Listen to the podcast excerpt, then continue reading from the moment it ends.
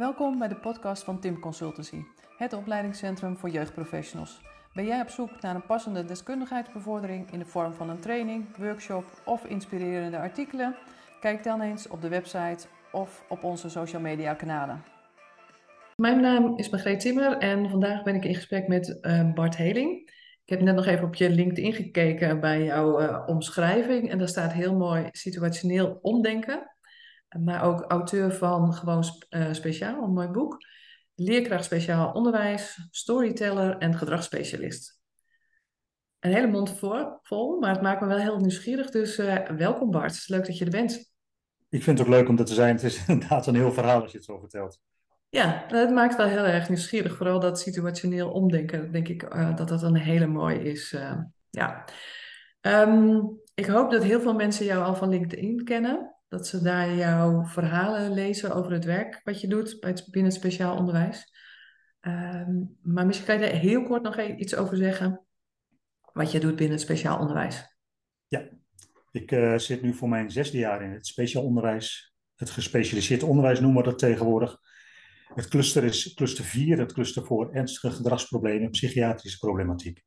Mm -hmm. En ik begeleid daar leerlingen in de klas die, uh, die op die school terecht zijn gekomen, dat ze uit zijn gevallen vanwege hun gedrag op een vorige school. Uh, wij doen dat in een kleine setting. We hebben meerdere handen voor de klas, kleine groepen. Uh, waardoor we veel ruimte hebben om het gedrag de ruimte te geven, om de kinderen te kunnen begeleiden. Zodat zij zich ook kunnen ontspannen, gezien voelen, gehoord weten en van daaruit zich ook kunnen ontwikkelen. En met als doel, en dat is de missie van onze organisatie, op zoek te gaan naar het talent van een kind. en dat hoef je niet zo heel breed te zien, dat kan ook zijn de interesse van het kind. Mm-hmm. Om van daaruit verder te gaan, uh, zodat het kind ook voelt dat het bestaansrecht heeft en een, een toekomst heeft waar het naartoe kan werken. Ja, mooi. En je zegt dat kinderen zich gezien voelen. Ik denk dat dat uh, heel belangrijk is, omdat deze kinderen vaak een hele bagage bij zich hebben van uh, geschorst zijn geweest, vroegtijdig opgehaald, om soms een tijdje thuis gezeten. Veel meegemaakt in hun omgeving, onbegrepen zijn. Uh, en dat frustreert. En dat betekent ook dat ze door het minst of geringste getriggerd zijn, um, door het lint kunnen gaan. En dan vraagt het van ons als leerkracht iets extra's. Mm-hmm. om die kinderen wel te zien en te horen, want ook zij hebben daar recht op. Nou is het zo dat sinds uh, drie jaar um, ben ik, dat was eerst een pilot, ben ik leerkracht van een SO plus klas. Dat is een klas die onderwijs en zorg combineert. En dat betekent dat de fulltime ambulant hulpverlener van jeugdzorg bij mij in de klas aanwezig is. En wij begeleiden kinderen die zelfs niet meer in het speciaal onderwijs terecht konden, dus echt thuis hebben gezeten, dan wel in een behandelsetting zaten. Mm-hmm. En zij krijgen bij ons de kans om in kleine stapjes weer toe te werken naar een vorm van onderwijs. Je zegt in stapjes. Het zijn uh, kleine stapjes die ze zetten om daar weer een, een beetje in de buurt te komen. Te gaan doen. Absoluut. En dat kan zijn een paar uurtjes in de week. Dat kan zijn met heel veel extra ondersteuning. Um, focus ligt zeker niet op rekenen, taal, lezen, maar vooral op aanwezig zijn. Ja. Uh, de basisvaardigheden die nodig zijn om deel te kunnen nemen. Mm-hmm. Ja, en je zegt al van dat zijn kinderen met allemaal ervaringen in de rugzak, van die hebben allemaal het nodige meegemaakt. Ja. En waar moeten we dan aan denken? Hebben ze dingen meegemaakt op school of in de thuissituatie of ergens anders? Ja, alles is uh, wat dat betreft denkbaar. Hè. Het, gaat hier om kinderen tussen de 6 en de 12 jaar. En veel kinderen dragen wel een diagnose in met zich mee, maar als je doorvraagt en doorkijkt, hebben ze rond die diagnose van alles meegemaakt. En dan kun je denken aan verwaarlozing, uh, vechtscheidingen thuis, uh, of sterfgevallen, mishandeling, of nog erger. En weet je, dat zie je terug in hun gedrag. Ja. En ik zeg daar ook altijd bij, want we hebben ook kinderen bij ons zitten met autisme. Maar agressie is geen kenmerk van autisme. Mm-hmm. agressie is een uiting van frustratie of onmacht, die weliswaar voort kan vloeien vanuit een autistische stoornis, maar dan is het kind onbegrepen geweest. Ja, dus als je dat hoort, iemand uh, heeft de diagnose autisme mm-hmm. en is heel agressief, dan denk jij van, hé, hey, dat is bijzonder. Exact.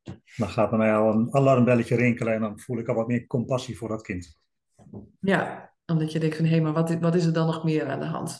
Precies dat. En hoe ga je dat dan uitpluizen? Hoe ga je daarna op zoek? Ehm, op het moment dat ik zelf met dat kind te maken heb, weet je, dat kind dat is bij mij aanwezig. We krijgen een, uh, een intakegesprek en een kennismaking. En een van de eerste dingen die ik tegen zo'n kind op dat moment zeg, uh, ik word niet boos op jou. Mhm. En 9 van de 10 keer zie ik dan al zo'n stuk ontspanning en ontlading komen. En dan komt de kind bij mij in de klas en dan zie je heus wel in het begin dat, dat het gespannen is, dat er bepaalde triggers kunnen zijn. Er kunnen duizend triggers zijn. Het kind kan alsnog door het lint gaan. Dat is een, een, een soort patroon wat in zo'n kind zich ontwikkeld heeft. Een copingmechanisme. En dan word ik dus niet boos, dat had ik ook beloofd. Het is niet zo dat ik het kind maar zijn gang laat gaan. Maar door het kind daarin de ruimte te geven, wel te zorgen voor veiligheid, ook voor de rest van de groep. Desnoods het kind te begeleiden, even de klas uit. Rustig blijven, duidelijk blijven. Uh, op die manier kom je erachter wat uiteindelijk de trigger kan zijn voor zo'n kind. En dat kan zijn de aanwezigheid van andere kinderen. Dat kan zijn een stemverheffing. Dat kan zijn uh, dat het stil is in de klas. Stilte kan een trigger zijn. Dus door samen te werken met het kind, door gesprekken te hebben met de ouders, met de betrokkenen, op die manier pluis je uit, hè, dat was jouw vraag, wat daar allemaal aan ten grondslag kan liggen. Mm En vaak kom je er wel achter en soms ook niet. Ja, ja want je geeft natuurlijk ook hele verschillende voorbeelden van waar die triggers in kunnen zitten.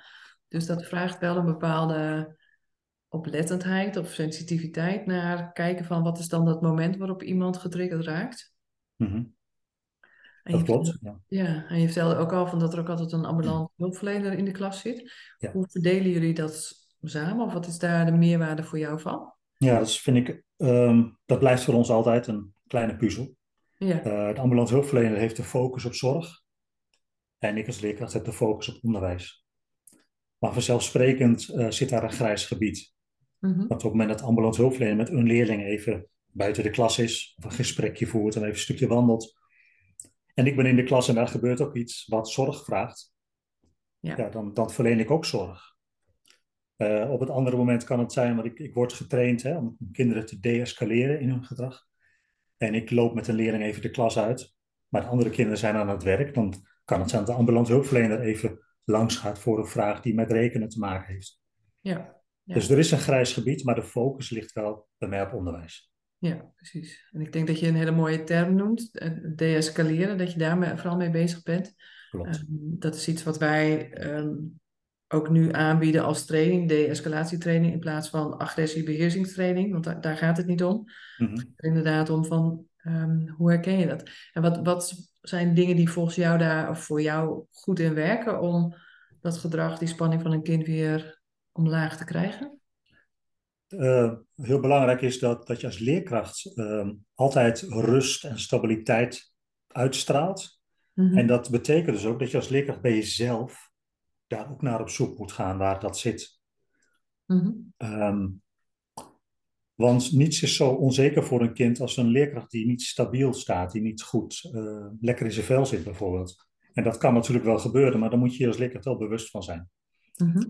Dus stab- stabiele leerkracht is belangrijk, maar ook een leerkracht die ehm, kan relativeren. Die gedrag bij een leerling kan laten, kan Mhm. plaatsen en dat soms kan oplossen met een grapje. Dus Humor. humor is heel belangrijk.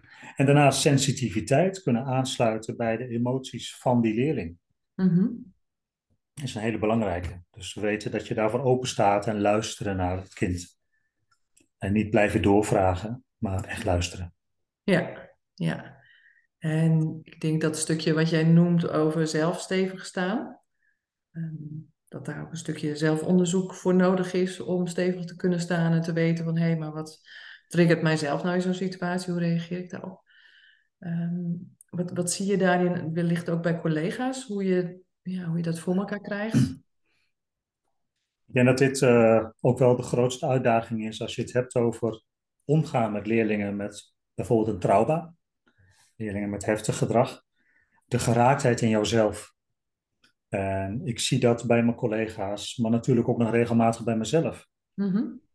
En ehm, wat je dan krijgt is dat je reageert vanuit jouw gevoel. vanuit jouw oude overtuigingen. En dat zie je regelmatig terug in de klas. Loop maar een willekeurig lokaal binnen en een leerling gedraagt zich afwijkend. En een leerkracht roept zoiets als van, hey, doe je dat thuis ook? Hmm. Of het is altijd dezelfde die ik moet waarschuwen. Oeps. Ja, het, het zijn uitspraken die je wellicht heel bekend in eh, de oren klinkt, klinken. Eh, maar die staan niet in een pedagogisch handboek. Dat zijn uitspraken die je, neem jij mee in jouw eigen waarde. En het is heel goed om je daar bewust van te worden of te zijn. Ja, dus inderdaad van wat maakt dat je zo'n opmerking maakt. Wat, wat, ja, wat brengt dat dan ook weer teweeg in die samenwerkingsrelatie met dat kind? Ja. Ja. En je noemde relativeren. Hoe helpt het relativeren jou in je werk?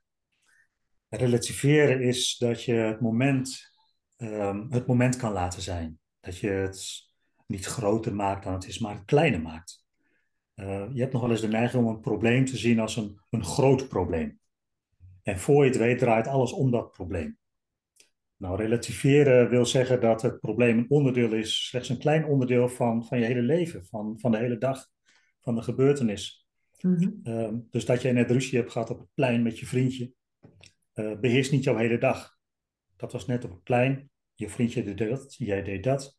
Eh, maar nu zit je weer hier in de klas. Dus Mhm. je legt een relatie tussen het incident op dat moment en dat waar je nu bent. Je brengt het kind weer terug in het hier en nu. Ja, En eh, dat is een van de manieren van relativeren. Maar heel vaak maak ik ook een grapje. ja. Dat Ja. was het, ja, het andere stuk wat je noemde, de humor, is heel belangrijk in dit werk of in het werken met mensen überhaupt, denk ik. Ja, humor eh, ontwapent. Humor relativeert inderdaad de situatie. En dan ontdek je dat het allemaal helemaal niet zo erg is. Mhm. Dat moment waar je op dat moment in verkeert op school. Ja. conflict. Het conflict is ook vaak een uiting van, van frustratie en van onvermogen. Terwijl er onderliggend iets anders aan de hand is. Mhm. Dat zie je bij mensen in het dagelijks leven ook. Ja. Ja. En ehm, dat is denk ik een hele waardevolle overtuiging. Dat achter het gedrag wat het kind laat zien, dat er altijd nog iets anders onder zit. Ja. Ehm, wat maakt dat jij daar zo in vasthoudt dat dat een belangrijke voor jou is? Omdat eh, ja, de mens is reactief en zintuigelijk ingesteld. En je bent dan altijd snel geneigd om te reageren in het moment zelf. Mhm. Je ziet wat een kind doet, of je ziet wat een mens, wat iemand op straat doet, of je leest wat iemand op social media plaatst. En jij wordt geraakt en je wilt direct reageren. En ik vind het heel belangrijk om daar even bij stil te staan, om het breder te bekijken. Mhm. Dat het helemaal niet gaat om dat stukje wat gezegd wordt of wat gedaan wordt. Uh, maar dat het veel belangrijker is hoe, hoe jij daarin geraakt wordt en uh, hoe je reageert Ja. op die situatie. Daar, daar wil ik op blijven hameren. Mhm. Ja. En hoe doe je dat dan praktisch in de klas? Want uh, nou, in de klas zal, zullen ook escalaties plaatsvinden. Um, kinderen zelf of kinderen onderling of kinderen misschien richting jou. Hoe kan je dan zo'n situatie weer deescaleren? Um, ja, ik, ik, gebruik daar regelmatig uh, twee um, ja, technieken. Klinkt zo bewust. Ja. Twee manieren gebruik je ervoor. De eerste is dat ik vaak even een paar seconden wacht met mijn reactie. Want als een kind een boekje naar mij gooit of, of mij verrotscheldt voor iets, dan word ik natuurlijk wel geraakt. Want ik heb Mhm. ook een oerbrein. Maar ik kan kiezen om vanuit die geraaktheid wel of niet te reageren. Als je al een paar seconden wacht met, die, met je reactie, kom je voorbij dat eerste gevoel bij jezelf. Mhm. En word je objectief. En wat je dan kan doen, dat is vanuit de geweldloze communicatie, is puur benoemen wat je hoort of wat je ziet. Ja. Dus stel dat ik zeg uh, tegen een kind, ik zie dat jij je werkboekje op de grond hebt gegooid.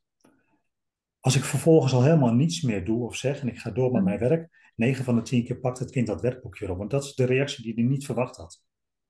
Dus daarmee doorbreek je een patroon Ja. waar het kind vaak in zit. Hij gooit een boekje, jij wordt boos, hij krijgt straffen, wordt eruit gestuurd. Bevestiging van hoe het altijd is gegaan. En dat doorbreek ik met die onverwachte reactie. Ja.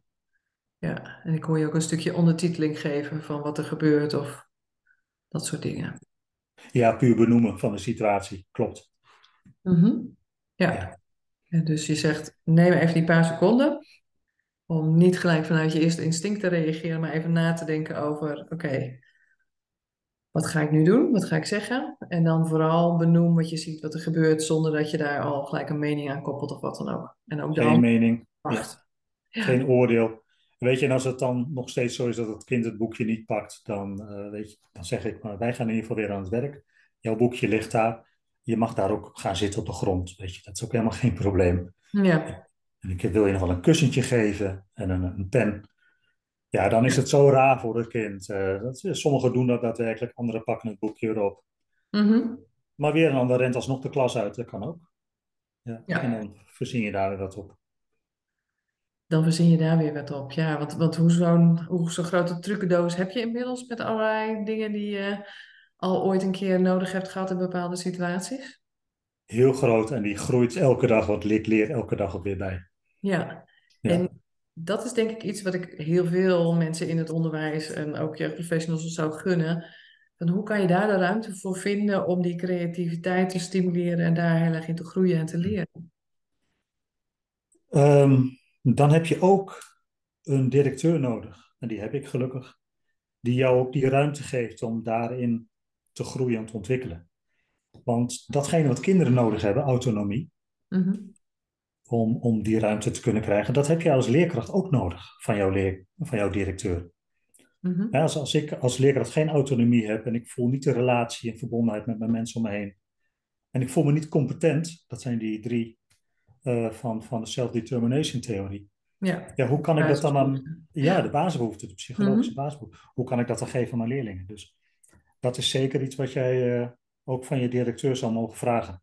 En Ja. zo niet, dan ga je het gesprek over aan. Mhm. Dus die, eigenlijk die drie basisbehoeftes, die zie jij terug bij de kinderen, maar die merk je ook bij jezelf. Dus die moeten vervuld zijn.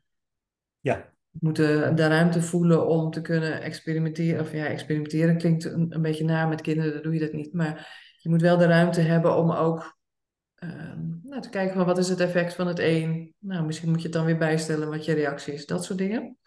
klopt.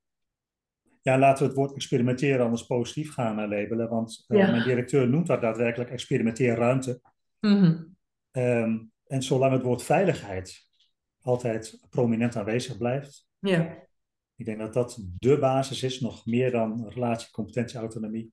Veiligheid zorgt ervoor dat je blijft leven. En als je het gevoel van veiligheid hebt, ja, dan kun je een hele hoop experimenteren volgens mij. precies. Ja, want als je zelf vanuit een onveilig brein reageert, dan lukt het je niet meer om die paar seconden rust te nemen voordat je reageert. Ja. Klopt, je wil je als leerkracht ook veilig voelen. Ja, en ehm, hoe zie je dan de autonomie van het kind? Waarin komt dat terug in jouw manier van onderwijzen? Ja, het moment waarop kind eh, zelf keuzes gaat maken, ehm, zichzelf durft te laten zien, Mhm. ehm, gaat staan voor wie hij of zij is, eh, de, de, zelfstandig de klas uit durft te gaan naar de wc bijvoorbeeld, Ja. zich vrij kan bewegen, ontspannen is, ja, dan zie ik die autonomie wel terugkomen. Mhm. Mooi. Dus daar, daar ontwikkelen ze zich dan ook in. Want ik kan me voorstellen dat ook een aantal van deze kinderen zich niet zo autonoom voelen en dat dat bij hun heel vaak de kop ingedrukt is. Eh, Zeker als ze een heftige thuissituatie hebben. Absoluut, ja. En daarmee dus ook gevoelens van competentie heel laag zijn. Mhm. Een laag zelfbeeld hebben. Ja, En, en zich dus ook niet verbonden voelen, niemand durven vertrouwen. ja, Waardoor ook de relatie een hele grote uitdaging is. ja. Ja. Nee, autonomie geef ik ze direct. Ik, ik noem ook als een van de eerste dingen nadat ik heb gezegd dat ik niet boos word, zeg ik ook dat op het moment dat je naar de wc wil gaan, ga gewoon. Ik hoef dat zelf niet aan mijn directeur te vragen. Maar laat het wel even weten waar je bent. ja. Prima. Dat is autonomie. Ja, dat geeft van, jij voelt de sensaties in je lijf wel. Als jij moet, dan moet je en dan, eh, dan ga je er. Ehm, ja, en ik kan me voorstellen dat het ook iets in de relatie doet. Want je zei al van, hè, dat is een van de andere comp- componenten daarin. Ehm, als jij ze dat vertrouwen geeft van, weet je, als jij zegt dat je moet, dan moet je en dan, dan krijg je de ruimte om te gaan. Dat dat ook iets in die relatie tussen jou en het kind doet. Enorm. Geeft heel veel eh, vertrouwensboost tussen Mhm. het kind en mij als leerkracht. Ehm, hè, er hoeft niet iemand mee te lopen met het kind de gang op. Wat het misschien wel gewend is. Je ziet kinderen die zo begeleidingsafhankelijk geworden zijn. Waar Mhm. ook ge- begeleiding in het gezin zit, vanaf geboorte af aan soms al. Ja. Dat kind kan bijna niet alleen door de gang lopen. Op het moment dat ik zeg, ga maar gewoon naar de wc, daar is het. Dan zie je ze letterlijk groeien. Mhm.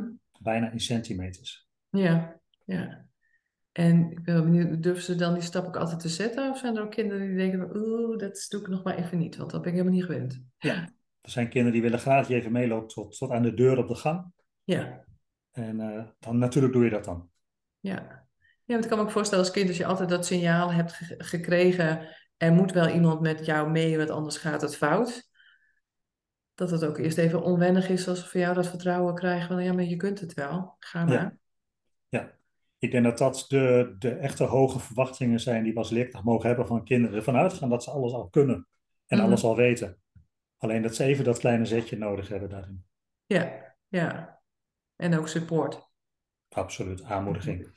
Ja, ja. Dat is, eh, daarin zijn wij zelf ook, dat hebben we zelf ook allemaal nog nodig. Dat is, eh, hoort ook wel bij het mens zijn, denk ik. Ja, Jazeker. mooi. Ja, dus autonomie, ehm, die relatie opbouwen met het kind door ook dat vertrouwen te geven.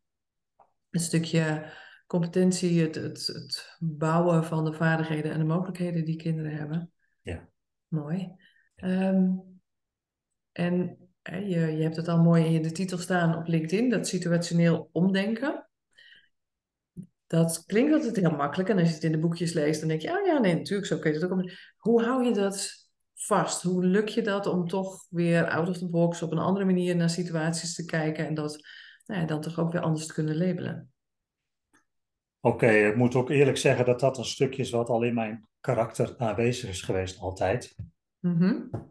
Creatief geweest met, eh, met taal en met praten, met het maken van grapjes. Ehm, het woordje situationeel was een knipoog naar situationeel leiderschap. Mhm.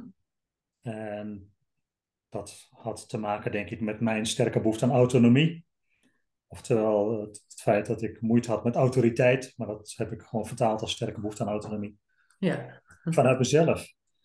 En omdenken is een soort van tweede natuur. Het is een handigheidje geworden waarbij je de energie van het probleem gebruikt Mhm. om te komen tot een oplossing. Het probleem is niet uit de weg te gaan, maar het probleem is zien als een kans om, om naar een oplossing te gaan. Mhm. En eh, ja, ik, er was laatst een eiergooier bij ons actief hier in de wijk. Ja. Die, eh het waren een paar jongens, een stuk of drie, die, die gooiden eieren bij mensen tegen de raam aan. Hè? En zo was, wij, wij, wonen hier op een soort hoek aan een eikenwal. En eh, met een, een donker voetpad ernaast. En ik was met de hond aan het wandelen en mijn vrouw belt me op. En ze zegt, eh, Bart, heb jij toevallig net een paar jongens eh, weg zien rennen? En ik had net een paar jongens zien lopen, vlakbij het kanaal. Ik zei, ja, ik heb ze gezien. Nou, ons huis was aan de beurt. Hè? Er waren eieren gegooid. Zelfs in de brievenbus. Dus ik zei, nou, wacht maar even. Dus ik liep terug richting het kanaal en ik zag ze al op het fietspad lopen. Dus ik ben snel op het dijkje gaan wandelen met de hond. Ietsjes harder gelopen en opeens stond ik voor de jongens. Dan had ik kunnen vragen van, waren jullie dat? Dan hadden ze gezegd, nee, dat waren wij niet. Maar ik stelde mijn vraag net even anders. Ik zei, heb je nog meer eieren bij of waren dit de laatste? Nee, nee, dit waren de laatste, meneer. Ja. ik zeg, ja, nou, ik zeg, dan weet je wat je te doen staat. Ja, we moeten het zeker schoonmaken. Ik zei, ja, dat lijkt me wel. Loop maar even mee. Ik was niet boos en ze liepen met me mee, met eh, de hond en mij. En eh, ik Ja. belde ondertussen mijn vrouw op. Ik zei, nou, zet maar emmertjes op klaar. Ze En toen stonden, op een zaterdagavond stonden drie jongens van een jaar of 16, 17 stonden bij ons de ramen te wassen. Ja, En ik heb ze Ja. nog een biertje aangeboden, maar dat, ze zeiden dat mogen wij niet. precies. Dat mag niet eh, nog. eh, nee, precies. Dus dat weten ze ook wel. Ja. Dit, eh, dit doen wij niet weer, eh, meneer, zeiden ze. En, maar dit is dus ook typisch een gevalletje van omdenken. Je vraag even anders stellen. Want je weet, als je de vraag stelt rechtstreeks, dan krijg je een nee. Of je krijgt confrontatie, of je krijgt ruzie. Ja, Niet boos worden. Even creatief omgaan. En eh, dat is omdenken. ja. En je zegt het is een, een handigheidje. Ehm, volgens mij is het ook wel heel hard trainen, trainen, trainen, trainen. Steeds weer die eh, denkspieren daarin trainen om dat gewoon echt onder de knie te krijgen. Klopt ook. Je kunt het oefenen hoor. Ja, zijn Ja. ook boekjes voor eh, waar heel veel omdenkvoorbeelden in staan van uh, Bertolt Gunster. ja, Om, omdenkboekjes, ja. ja. Dus dat is ook, blijf jezelf daarin trainen en uitdagen om dat nog weer anders te bekijken. klopt. Ehm, maar ook in deze situatie hoor ik je weer zeggen, uh, word niet, reageer niet vanuit boosheid. Nee, weet je, die boosheid die is van jouzelf. Mhm. Jouw boosheid zegt helemaal niets over de ander. Ik, ik vind eigenlijk dat we nooit boos zouden moeten zijn. Ja, je, je ziet dat ook in de dierenwereld, die, die reageren wel, maar je ziet nooit een dier echt helemaal boos staan kijken bij een situatie. Ja, stampvoeten. En, eh, Stampvoetend, ik wil nee. ik wil dat. Nee. nee. Mhm. Bo- boosheid is een emotie. Ja, Die is Ja. van jezelf. Ja. dat is jouw emotie en daar moet jij wat mee en daar, daar kan die ander niet per se iets mee. Dus op het moment Mhm. dat je boos wordt, dan zal je even een stapje terug moeten doen, maar niet reageren op de ander. Nee, precies, want dan draag je het over en dan maak je die ander eigenlijk verantwoordelijk voor jouw bo- boosheid. eh. Ja, zoiets. Mhm. Ja, mooi. Ja. Ehm, dan denk ik, nou ja, dan hebben we het gehad over de competentie, over de relatie en over een stukje autonomie als, als drie belangrijke behoeftes bij, eh, bij kinderen. Ehm, en, en hoe doe je dat in de dagelijkse, ja, in, in de klas, zeg maar? Dan kun je daar nog andere voorbeelden van geven.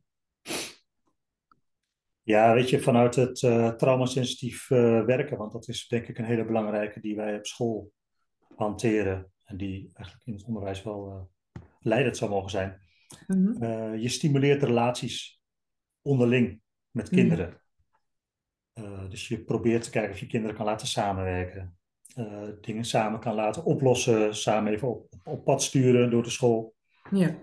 Dus de relaties stimuleren en, en veiligheid uitstralen als eh, leerkracht, maar niet alleen fysiek van jezelf, maar ook de omgeving veilig maken.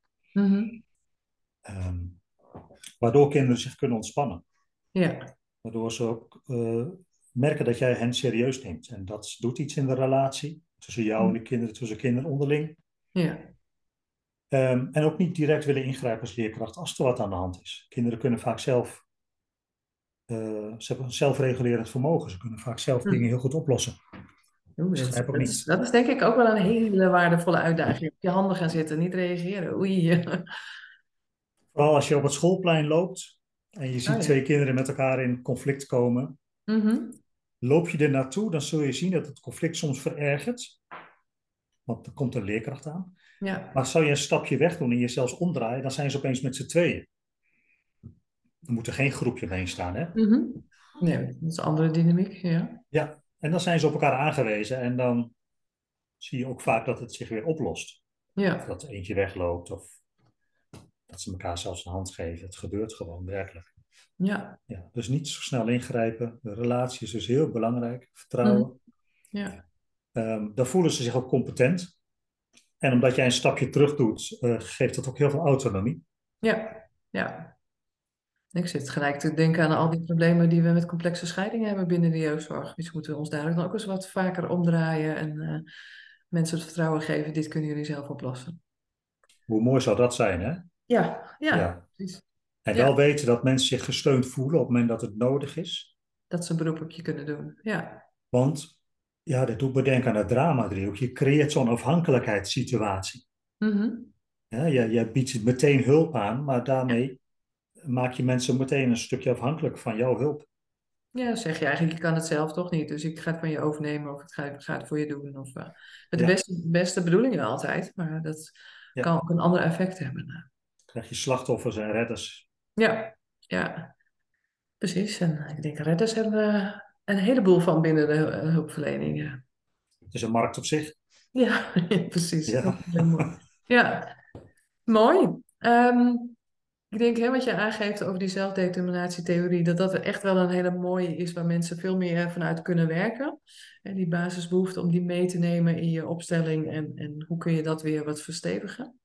Ehm, dus dank je wel daarvoor. Ik denk dat dat een, eh, een mooie is als gedachtegoed om weer, weer mee te nemen. Graag gedaan. Ja, super. Ehm, heel waardevol dat je dat eh, meeneemt. Ehm, aan het eind van de podcast vraag ik ook altijd aan iemand van aan wie zou je het stokje door willen geven? Heb je iemand in gedachten waarvan jij denkt van nou, die moet ook echt wel eens een keertje stem laten horen? Ja, ik heb iemand in gedachten. Het is een, eh, een collega die ik nog nooit live heb ontmoet. Hij werkt in de omgeving van Zwolle. Zijn naam is Otto Zwolsman. Ja, En Otto werkt in het cluster 3 onderwijs. eh, niet zozeer met leerlingen met eh, problemen rond hun gedrag. maar wel in hun ontwikkeling. Het zijn kinderen die, uh, zeg je dat, geestelijk uh, gehandicapt zijn, mm ontwikkelingsachterstanden hebben. Ja. ja. dat vraagt weer een hele andere insteek mm als leerkracht. En hij beschrijft het zo sensitief en zo gevoelig vanuit zijn hart. Mm Hoe hij deze kinderen ziet en hoe hij met hen omgaat. Ja. Dat ik, uh, ja, tegelijkertijd weet ik dat hij het ook wel spannend vindt om uh, daar iets over te vertellen. Ja. Maar volgens mij kan hij dat heel erg mooi. Oké, dan zal ik kijken of ik daar ook een beetje co-regulator kan zijn en de, de spanning wat kan verlagen. ja. Mooi. Ik ga contact met hem opnemen en vragen of hij daar uh, mee aan de slag wil. Mooi. Ja, helemaal super. Ja, dankjewel. Alsjeblieft. Dankjewel voor dit waardevolle gesprek en uh, tot een volgende keer. Ja, tot de volgende keer. Jij bedankt, Margreet. Dankjewel voor het luisteren naar deze podcast van Tim Consultancy. Hopelijk was het een waardevol gesprek voor je om naar te luisteren. Wil je meer weten over de onderwerpen die we in onze podcast bespreken? Check dan ook onze social media kanalen of de website van Tim Consultancy voor een van onze opleidingen of trainingen. Heel graag tot een volgende keer en een fijne dag gewenst.